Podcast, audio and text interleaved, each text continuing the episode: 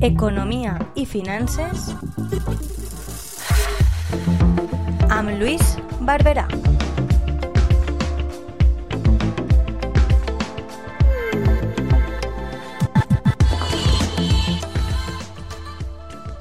Buenos días, estimados y estimadas escuchantes de la Tegua Radio.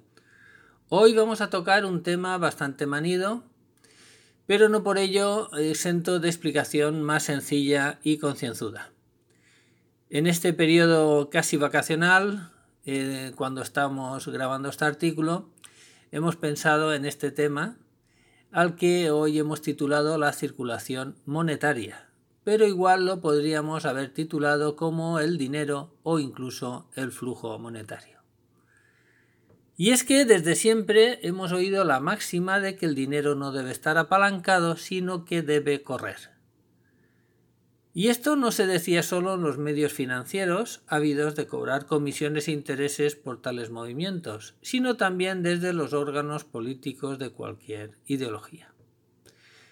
Es más, si tuviéramos cerca un estudiante de primero de económicas o de ADE, nos explicaría que su profesor de la universidad le ha dado una clase magistral sobre tal concepto. Clase farragosa donde las haya, y que difícilmente le ha hecho entender el significado y la comprensión exacta del asunto. Y si además este estudiante topa con un profesor que guste de intercalar terminología inglesa por medio de la clase, pues ya será la cabose. Al que le restará por último meter las famosas patas que hoy están de plena moda. Así que vamos a intentar explicar sencillamente este, digamos, clásico que a todos parecía interesar y es que corra el dinero. En primer lugar, imaginemos una simple hoja de papel donde a un lado de la misma y dentro de un círculo pongamos a las personas.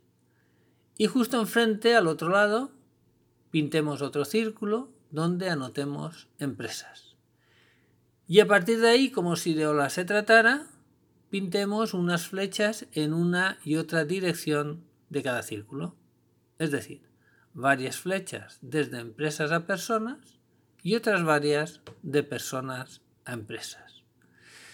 ¿Y en estas flechas qué significan? Pues bien, las personas realizan sus diferentes trabajos en sus empresas, sean públicas o privadas. A su vez, estas les pagan sus servicios vía dinero. Ahí ya tenemos unas flechas. Con el trabajo de las personas, las empresas venden bienes de consumo a las mismas. Entonces, las personas, con el dinero que han recibido por su trabajo, compran dichos bienes de consumo. Aquí tenemos otra vez flechas que van de uno y otro lado. Resumiendo, las empresas pagan por el trabajo realizado por las personas con dinero y éstas utilizan ese dinero para comprar los productos que fabrican dichas empresas. El dinero que las empresas han pagado a sus trabajadores vuelve a las empresas por la venta de lo que éstas fabrican cuando venden sus productos a esos trabajadores. O sea, la corriente monetaria o el dinero corre de uno a otro lado. Sencillo, ¿verdad? Eso significa que corra el dinero. Hace años oí un chiste que más o menos decía así. Un señor llega a un hotel y paga la estancia en el mismo, 500 euros. El dueño del hotel, con ese dinero, paga a uno de sus proveedores al que debía justo 500 euros. El proveedor, que a su vez debe 500 euros a otro empresario, le paga a este. Y casualmente ese mismo empresario que había realizado una convención en el hotel le faltaban por pagar al dueño sus 500 euros que justamente utiliza para cancelar la deuda. Y ahí no acaba todo. El cliente que había subido a la habitación decide no quedarse y solicita la devolución del importe entregado, o sea, 500 euros, que el dueño le devuelve justo con el billete que le había entregado el empresario de la convención. El mismo billete incluso vuelve a su dueño horas después y tras haber efectuado varias transacciones mercantiles. Esto es la circulación monetaria o flujo del dinero. Algo sencillo y, como digo, fácil de entender. Y esta es la verdadera economía, así que vamos a ver algo más. Bien, si el consumo se frena, los ingresos de las empresas disminuyen y sus productos quedan paralizados y en stock. Tras ello, solo pueden hacer dos cosas. Una, vender a precio inferior si es que esa es la causa real, la competencia. Y otra, reducir el número de empleados. Cuando una empresa no vende, cierra y por tanto sus trabajadores van a la calle. Ni unos ni otros reciben dinero, con el cual pagar nóminas y comprar productos. Por eso cuando la economía se frena, el efecto es multiplicador. ¿Esto quiere decir que el ahorro es ilógico y las personas deben gastar y gastar? Por supuesto que no. Precisamente el ahorro es la base de la tranquilidad de muchas personas. Y ese ahorro que una persona decide tener y no gastar va a correr igual, ya que será utilizado por la entidad financiera que lo tenga depositado para prestar a empresas o personas para que éstas sigan fabricando bienes de consumo o comprando dichos bienes por los particulares. Otra cosa es que las personas gasten menos, pero no por ahorrar, sino porque ganen menos.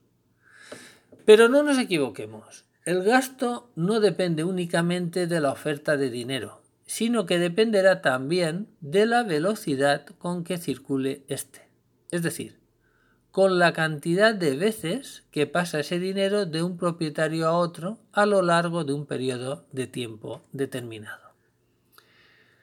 Por tanto, el que la reserva monetaria disminuya como consecuencia de tomar prestado dinero las empresas, producirá como efecto inmediato el incremento de la producción y al mismo tiempo el aumento del dinero en manos de las rentas de las personas. Y aquí lo vamos a poner un poco más difícil.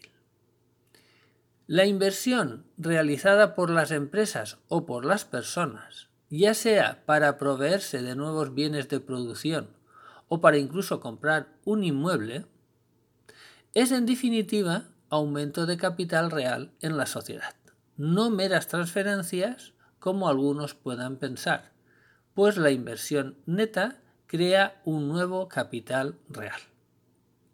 Es decir, si es verdad que lo que invierte una parte la desinvierte otra, pero, salvo en épocas extremas, esa compra producirá un beneficio. Habrá una inversión mayor vía financiación que a su vez incrementará el pasivo del vendedor. Bueno, ya os he dicho que esto era fácil, sencillo y complicado a la vez, pero bueno, creo que lo podemos llegar a entender. Así que, estimados y estimadas seguidores de la Tua Radio, hoy hemos tratado un asunto algo especial. Hemos intentado desentrañar los misterios de una frase típica en la economía, que corra el dinero. Saludos a todos y a todas y hasta la próxima.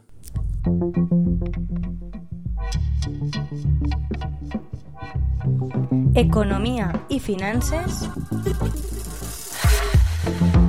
amb Lluís Barberà.